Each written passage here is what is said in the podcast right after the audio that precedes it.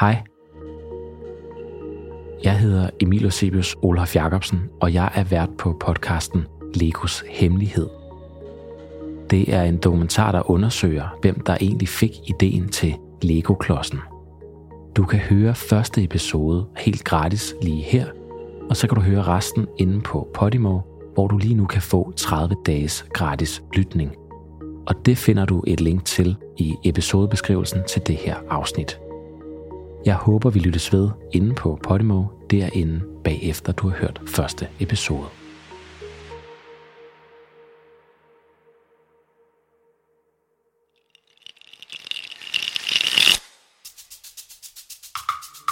Nu skal det handle om verdens største legetøjsbrand, for det er danske Lego nemlig.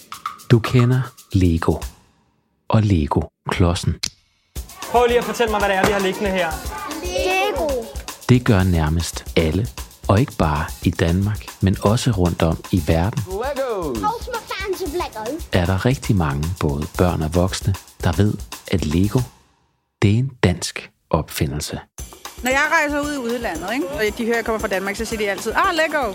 Lego er en af de allerstørste forretningsmæssige danske succeser nogensinde. Det vælter ind med penge hos Lego. Sidste år blev der solgt klodser, film og andet legetøj for næsten 100 millioner kroner om dagen. En succes, der begyndte med en lille klods med små dutter ovenpå. Det startede jo som trælegetøj jo af en sneker. Ved du, hvem der oprindeligt fik ideen til Lego-klodsen? Jeg husker ikke navnet, men det var i Jylland i Billund. Mange vil nok tro, at Lego-klodsen oprindeligt blev skabt af Lego-familien i Billund. Established by the Lego founding family here in Billund, which is where the Lego brick was invented. Men der er noget, der tyder på, at Lego har holdt på en hemmelighed. En hemmelighed, der har været velforvaret i årtier.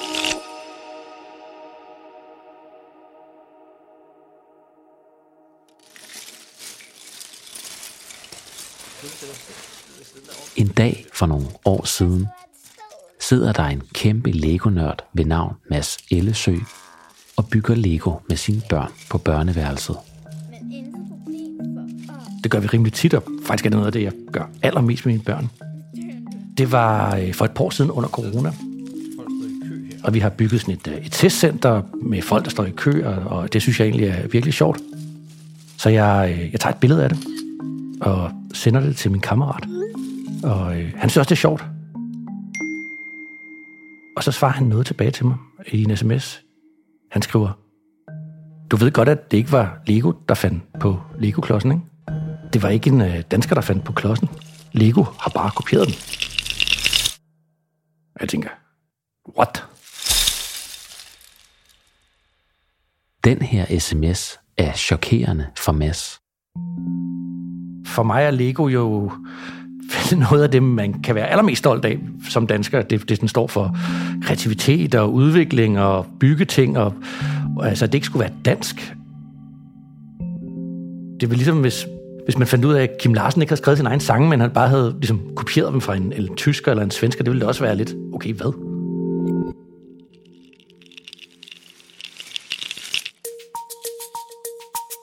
Udover at være kæmpe Lego-nørd, er Mads også undersøgende journalist.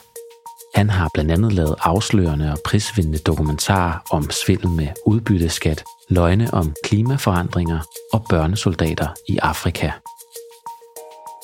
Og da han modtager sms'en fra sin ven, er både Lego-nørden og journalisten i ham nødt til at vide, om det er rigtigt, at det ikke var Lego, der oprindeligt fandt på Lego-klodsen.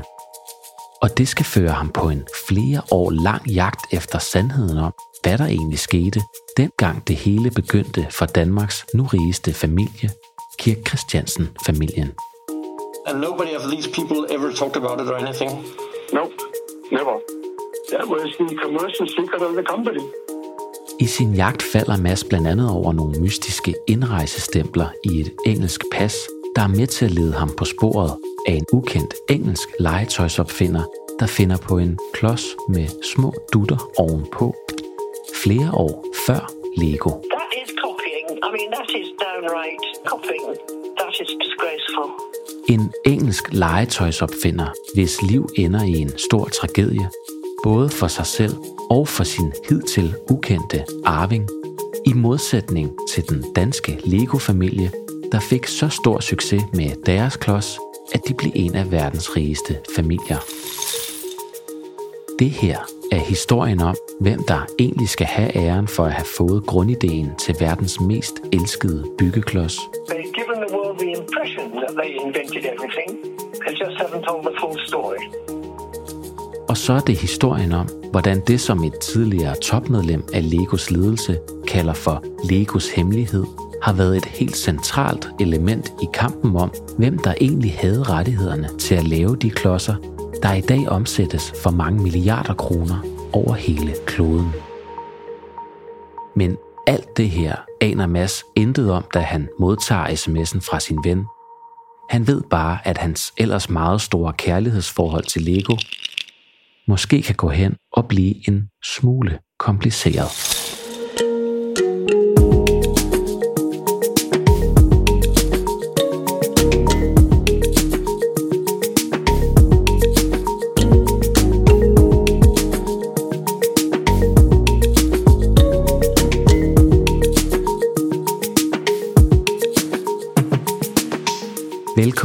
Til første episode af Legos Hemmelighed.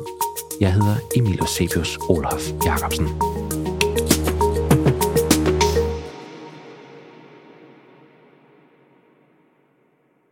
Mads, prøv at fortælle, hvor lang tid har du leget med Lego? Jeg har vel leget med Lego, siden jeg var tre år, tror jeg. Det kan være, andre mennesker stoppet med det. Det gjorde jeg så aldrig rigtig lige. Så jeg har ligesom fortsat med at lege med Lego, også efter jeg blev voksen. Så har jeg så fået nogle børn nu, og det er jo ret heldigt, at jeg har en god undskyldning for at lege videre med dem.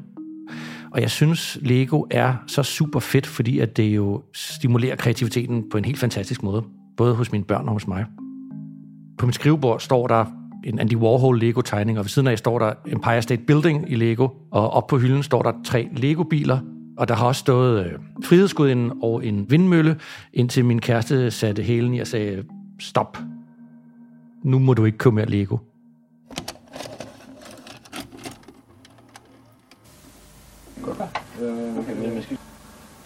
Hej Leo, øhm, jeg hedder Mads, og vi vil nu kort demonstrere, hvad det er, vi har tænkt os at lege sammen med jer om. Det, man kan høre her, det er lyden af et gammeldags VHS-bånd. Det er optaget en gang i slutningen af 90'erne. Og prøv lige at fortælle, hvad er det, man kan se eller høre her på den her VHS? Jamen, det man kan se her, det er en meget ung mand, der sidder på gulvet i en lejlighed på Nørrebro. Det er mig. Og det jeg gør, det er, at jeg prøver at forklare Lego en idé, som min kammerat og jeg har fået, som øh, vi godt kunne tænke os, at de lavede. Som I prøver at pitche ind simpelthen til Lego? Ja, præcis. Jeg tror, jeg vil starte med at lægge en klaverlyd ned her. Skal vi høre, hvordan det lyder? Og hvad er det for en idé? Det var jo meget godt. Helt kort så er ideen, at man øh, ligesom bygger musik. Altså man simpelthen har øh, forskellige Lego-klodser med lyde i, og så sætter dem sådan ved siden af hinanden, og på den måde bygger et øh, musiknummer. Jeg synes faktisk stadig, det er en meget fed idé. Det var da slet ikke så dårligt endda. Hvad ender Lego med at sige til jeres idé? De ender så med at sige nej til ideen. Bedre idé var det trods alt ikke, og fred med det. Men jeg synes, det var fedt at foreslå det, netop fordi, at Lego jo for mig altid har stået som værende det ultimative, kreative danske produkt. Og Mads, du er nok ikke den eneste, der har, tænker jeg, det forhold til Lego.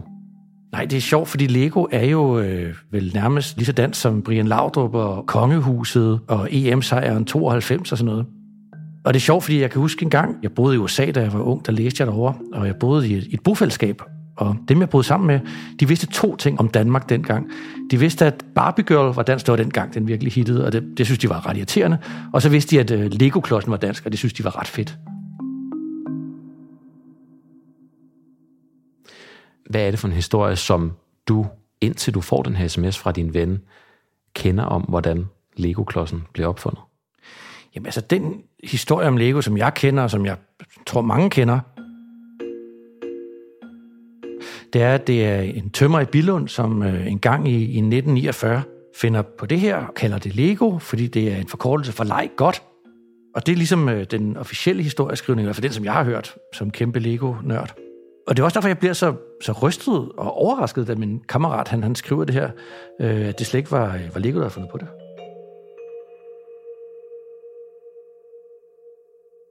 Og Mads, hvor ved din ven det her fra?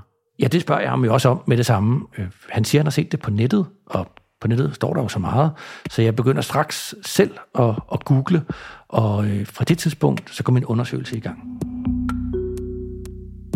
Jeg begynder at læse, og der står alt muligt forskelligt på nettet, som der jo gør, men når man sådan lige kigger lidt bedre efter, kan man se, at det meste af det viser tilbage til den samme hjemmeside. Som er sådan en lidt obskur, lidt old school hjemmeside, med sådan lidt gammeldags navigation, sådan, så man overhovedet ikke laver hjemmesider mere. Jeg begynder at kigge på den så, og den har en masse lister med, med legetøjsprodukter fra øh, 40'erne og 50'erne. Den er tydeligvis lavet af en, øh, en, en legetøjssamler, som sådan indekserer tingene, og der står alt muligt på den her side. Og jeg tænker, det vil jeg da rigtig gerne høre mere om. Så jeg finder en mailadresse i bunden, og jeg skriver, hey, jeg hedder Mads, og jeg vil gerne i kontakt med jer. Og så får jeg kort efter et svar på engelsk fra en mand, der hedder Chas Saunder. På denne her ret old school hjemmeside, der finder Mads altså frem til en mand, som muligvis ved noget om Lego-klodsens oprindelse. Og manden hedder altså Chas Saunder. Og hvem er Chas Saunder? Ud fra hvad jeg kan finde om ham på nettet, så er han sådan en lidt ekscentrisk ældre brite, der bor i Sydfrankrig og bruger sit liv på at samle på gammel legetøj, og så kører han rundt i Europa i sådan noget, der hedder en Morgan Three-wheeler. Som er sådan en lidt mærkelig krydsning mellem en veteranbil og en øh, sæbekassebil. Altså sådan en, der ligner en, en klassisk gammel bil, og så bagpå har den kun et hjul. Og det er så åbenbart det, han gør. Kører rundt i Europa i den her, det lyder jo meget fedt. Men derudover, så har han så også en passion for gammel legetøj. Og han har så den her lidt obskure hjemmeside, som åbenbart er kilden til meget af det, der står på internettet om Lego-klodsens oprindelse. Så ham ringer jeg op.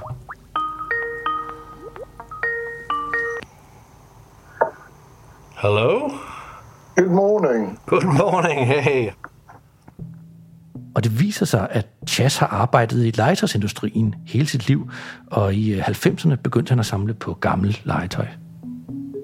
I started to collect old toy products, and uh, you know, with the, the wonder that is eBay and what comes out of people's lofts, um, I started to to buy product from the 30s, 40s, 50s, uh, and particularly early plastic products. Um, and then I found several things that I bought came engraved with a Hillary Page design. Så Chas Saunders, den her ekscentriske britte, der kører rundt i en gammeldags bil i Sydfrankrig, han begynder at købe gammelt plastiklegetøj på eBay, og det er altså plastiklegetøj tilbage fra 30'erne, 40'erne, 50'erne. Og så opdager han, at der står et navn i bunden af mange af de her ting, han køber, at der står Hillary Page Design. Og det bliver han så meget nysgerrig på, fordi hvem er Hillary Page? Ja, det aner Chas heller ikke noget om på det her tidspunkt. And I'd never heard of this guy. Okay, og vi skal lige sige, at Hillary Page er en mand, det er ikke en kvinde, øh, for Hillary kan også være et mandenavn. Nemlig, og Hillary Page, han er også fra England, ligesom Chas, bare mange år før. And so I, you know, started to research more. Chas, han køber så nogle øh, plastikkopper, som, som små børn kan sætte oven på hinanden. Det er også sådan nogle, som mine børn har haft. Men de her kopper, de er jo så fra 40'erne. Og de her kopper, de ligger inde i en boks. that still had the catalogue and various other publicity materials inside the box. Og inde i den her boks, der finder jeg en reklame for en bog. Og den bog, som bliver omtalt i det her reklame, den hedder på dansk noget i retning af legetid i barnets fem første år, og den er skrevet af netop den her Hillary Page. Nu har legetøjsentusiasten Chas Sonder ikke bare plastiklegetøj fra 30'erne, 40'erne og 50'erne med navnet Hillary Page indgraveret i bunden. Nu ved han også, at der findes en bog skrevet af den her lidt mystiske mand, og den bog vil Chas Sonder meget gerne vide mere om. Jamen, så tænker han, den her bog, den må jeg da prøve at finde. Så han, øh, han leder lidt rundt omkring. Den er ikke til salg mere, men det lykkedes ham at opspore en gammel brugt kopi over nettet et sted fra. Så får han den, og han slår op i den, og så opdager han noget, som kommer til at påvirke resten af hans liv. Chas ser i den her gamle bog fra omkring 2. verdenskrig, der ser han et billede af nogle små plastikklodser med dutter ovenpå, som man kan sætte sammen. Og det er sådan noget legetøj, som ham her Hillary Page har fundet på, før Lego-klodsen blev opfundet. Okay, Mads, legetøjsnørden, den her britiske Chas Sonder, han sidder her med den her gamle bog. Og så ser han så pludselig et billede af noget, der fuldstændig ligner Lego-klodser, men er lavet i årene før Lego selv har lavet deres klodser i 1949. Lige præcis. I immediately recognized the fact, being in the toy industry, that this had predated Lego. Og det får Chas til at indlede en ny jagt. It became a bit of a mission to, to find out more. En jagt efter de her opsigtsvægtende og mystiske klodser, for han er nødt til at se og mærke klodserne fysisk, før han tør tro på det, han lige har opdaget. Det lykkedes ham efter noget tid at finde et sæt af de her plastikklodser på eBay, som han køber for 11 pund dengang og får det tilsendt. Da pakken ankommer, åbner han den med stor spænding. For vil de her Hillary Page-klodser rent faktisk ligne dem, vi kender som Lego-klodser? And then when it arrived, you know, I opened it up, and lo and behold, there it was. Basically, what I'd known as Lego was predated by something that had been made in 1947.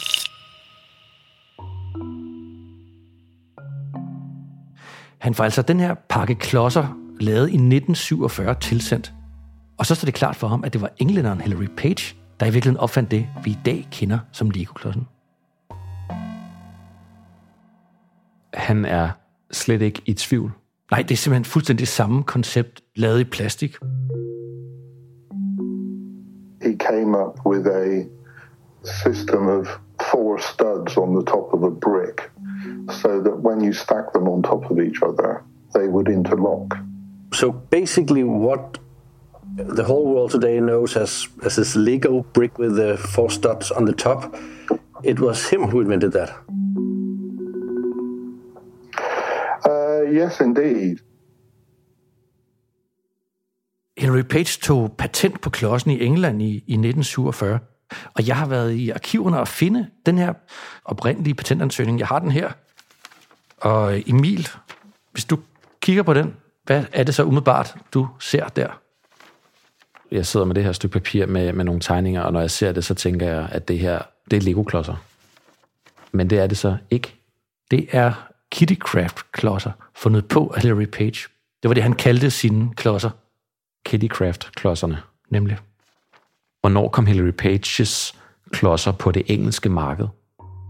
Kittycraft-klodserne kom på det engelske marked øh, lige efter 2. verdenskrig, altså i årene før, at Lego kom på det danske marked.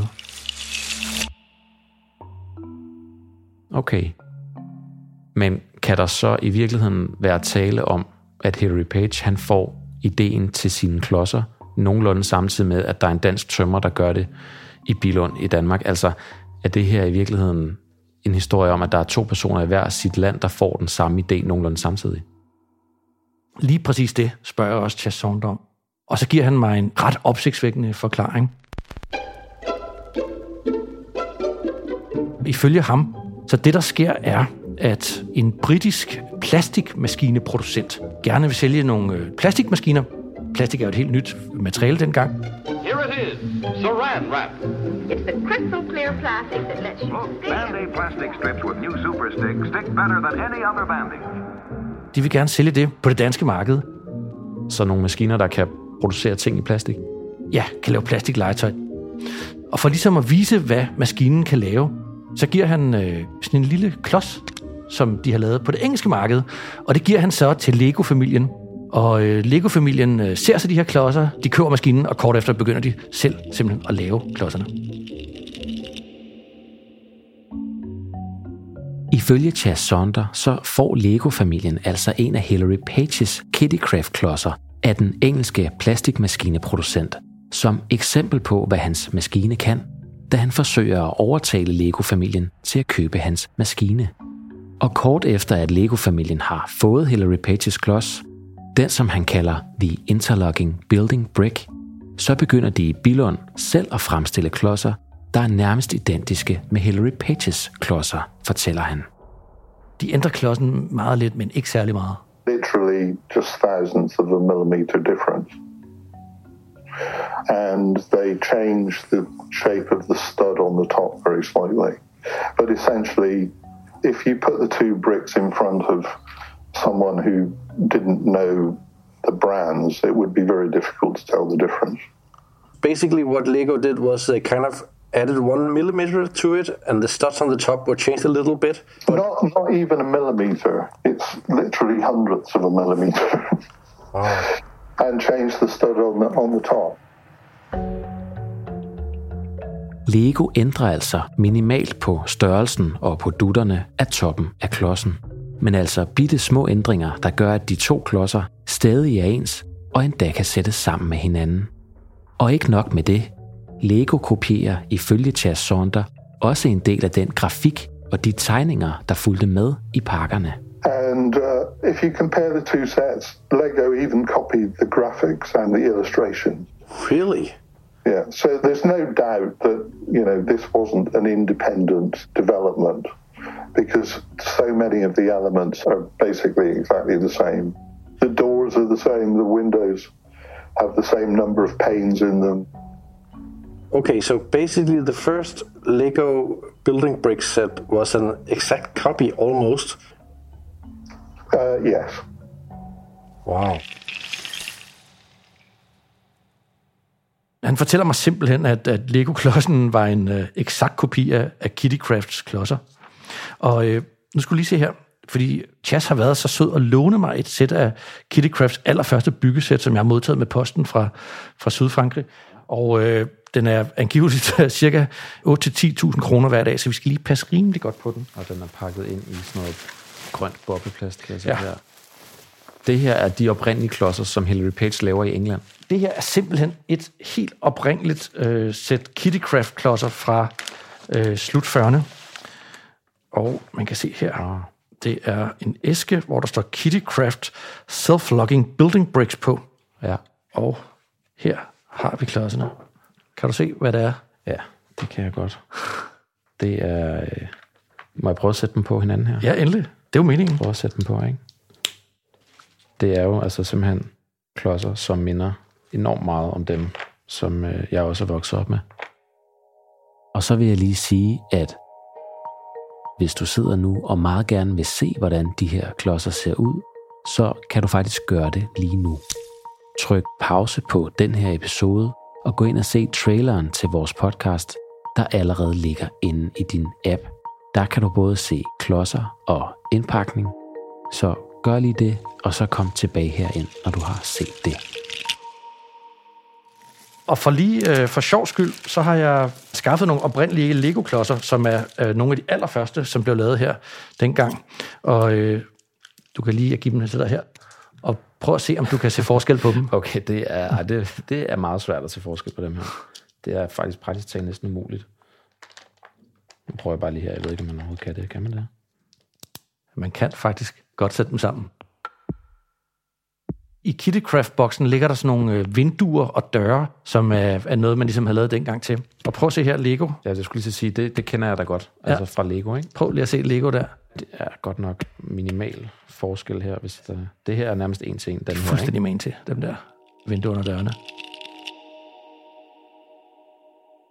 Og Mads, vi må heller lige stille de her dyrebare Kittycraft-brikker. Jeg har lovet Chas at passe virkelig godt på dem. Ja. Og her får du så de Lego-klodser, hvor altså jeg kan ikke se forskel på dem. Og det leder mig lidt til næste spørgsmål, Mads. Altså, var, var det her lovligt at gøre for Lego dengang? Altså, der er umiddelbart ikke noget i min research, der tyder på, at det her var ulovligt at gøre dengang. Sagen er nemlig den, at Hillary Page havde patenteret klodserne i England, og siden han i Frankrig og andre lande, som han gerne ville sælge dem til. Men han havde ikke patenteret dem i Danmark. Okay, så der var ikke noget ulovligt i at gøre det? Nej, altså der er ikke noget, der i min research tyder på, at det her var juridisk problematisk, og en til en kopiere noget, og begynde at sælge dem, som om man selv havde fundet på dem. Og de her klodser, som vi altså i dag kender som Lego-klodser, det var faktisk ikke de eneste klodser, som Lego kopierede fra øh, Hillary Page. Fordi at lige før han lavede Lego-klodserne, laver han sådan nogle lidt større klodser, som er, om man så må sige, sådan overgangen fra træklodser, altså nogle lidt store firkantede klodser med, med dutter ovenpå. Og dem udgiver han. Og gæt, hvad de også laver i Billund. De laver nemlig også de her lidt større klodser. Jeg har nogle billeder af dem her. De er ret dyre i dag. De er virkelig sjældne. Så dem har jeg ikke kunnet få fat i. Men jeg har billeder af henholdsvis Legos og Kitty Crafts store klodser her.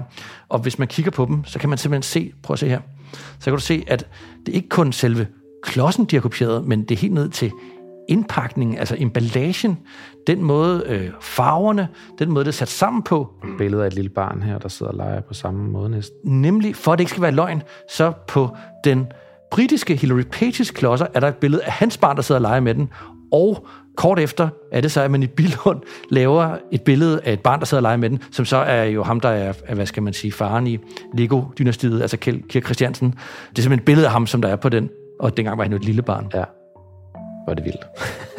ja. They launched it, uh, excuse my Danish, but they launched it as a product called Bigger Clodster. Okay. Yeah, større klodser. Um, if you look in the Lego Museum, they proudly show this bigger Clodster brick, uh, which was also a copy of Page's interlocking building cube. So, so, so uh, that's the ones that are today known as, as Duplo? No, that was a third copy. Oh. Uh, so, Page discontinued his small self-locking building brick and replaced it with one that was twice the size in all dimensions. And surprise, surprise, Lego then launched their version of the Lego brick, twice the size in every dimension, which they called Duplo. Wow! So, so, so, so it's it's three different page inventions that Lego has copied. Yes. Wow. Det er altså hele tre forskellige øh, af Hillary Pages opfindelser, som, som Lego-familien i Billund kopierer, og øh, heriblandt jo Lego-klodsen, som senere gør dem til øh, ikke bare Danmarks rigeste familie, men faktisk jo en af verdens rigeste familier. De tre klodser er altså for det første den klods, vi i dag kender som Lego-klodsen. Det andet Lego kopierer er de klodser, som bliver kaldt større klodser, og for det tredje, så laver Lego også en klods, som har den samme form og de samme mål som hos Hillary Page. Den klods, som vi i dag kender som Duplo-klodsen. Den sætter Lego i produktion 16 år efter Hillary Page har opfundet den. Now you could argue that, you know, Lego developed the Duplo brick independently, but Page had done it 16 years before they did. So first it was the interlocking building brick, then it was um, this bigger cluster, and then it was the Duplo. So it's it's three different products that were first invented and marketed by Hilary Page in the UK that Lego afterwards are introducing. Correct. Wow. Okay. That's uh, seems like being a pattern there. yes, okay. uh, yeah, there, there, there certainly is. Og Mads, som en kæmpe Lego-entusiast og nørd, hvad tænker du så, da du hører Chas Sonder fortælle dig det her? Jamen altså, umiddelbart så blev jeg sgu ret overrasket over, at, at Lego jo tydeligvis overhovedet ikke er en dansk idé. Og så det her med, at de kopierer altså hele tre af hans idéer. Helt ned til indpakning, til emballage. Det er altså sådan ikke helt, øh, hvad skal man sige, lakrids i mit univers. Her står den glødende Lego-nørd Mads altså nu, med en ubehagelig opdagelse om hans yndlingslegetøj. En opdagelse, der rejser en masse nye spørgsmål. Hvordan gik det egentlig Hillary Page, manden der fandt på ideen til klodsen? Er han blevet hyldet som en forgangsmand inden for legetøj til børn? Skabte hans klods en milliardstor formue til ham og hans arvinger, på samme måde som Lego-klodsen gjorde Lego-familien til en af verdens rigeste familier? Og så er der ikke mindst spørgsmålet om, hvordan Lego har fortalt historien om, hvordan det hele startede.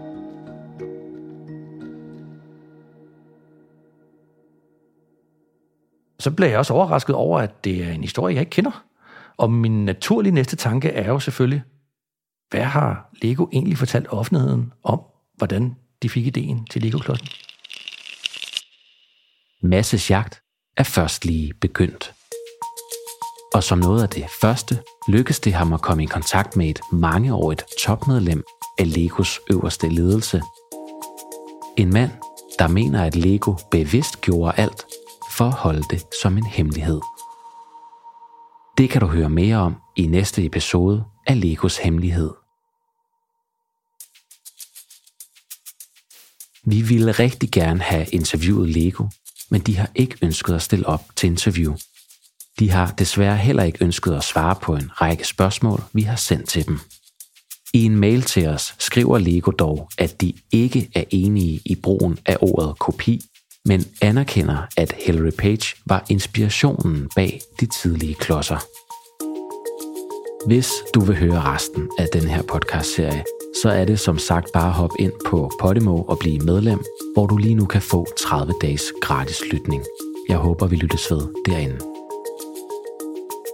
Legos Hemmelighed er produceret af Drive Studios for Podimo, tilrettelagt af Mads Ælesø. Jeg hedder Emil Osiris Olof Jacobsen, og Malte Vinter Bode har klippet og monteret serien og har også lavet temamusikken, som er skrevet af Marie Killebæk. Producent af Jakob Sloma Damsholdt. Der er i denne episode brugt klip fra DR.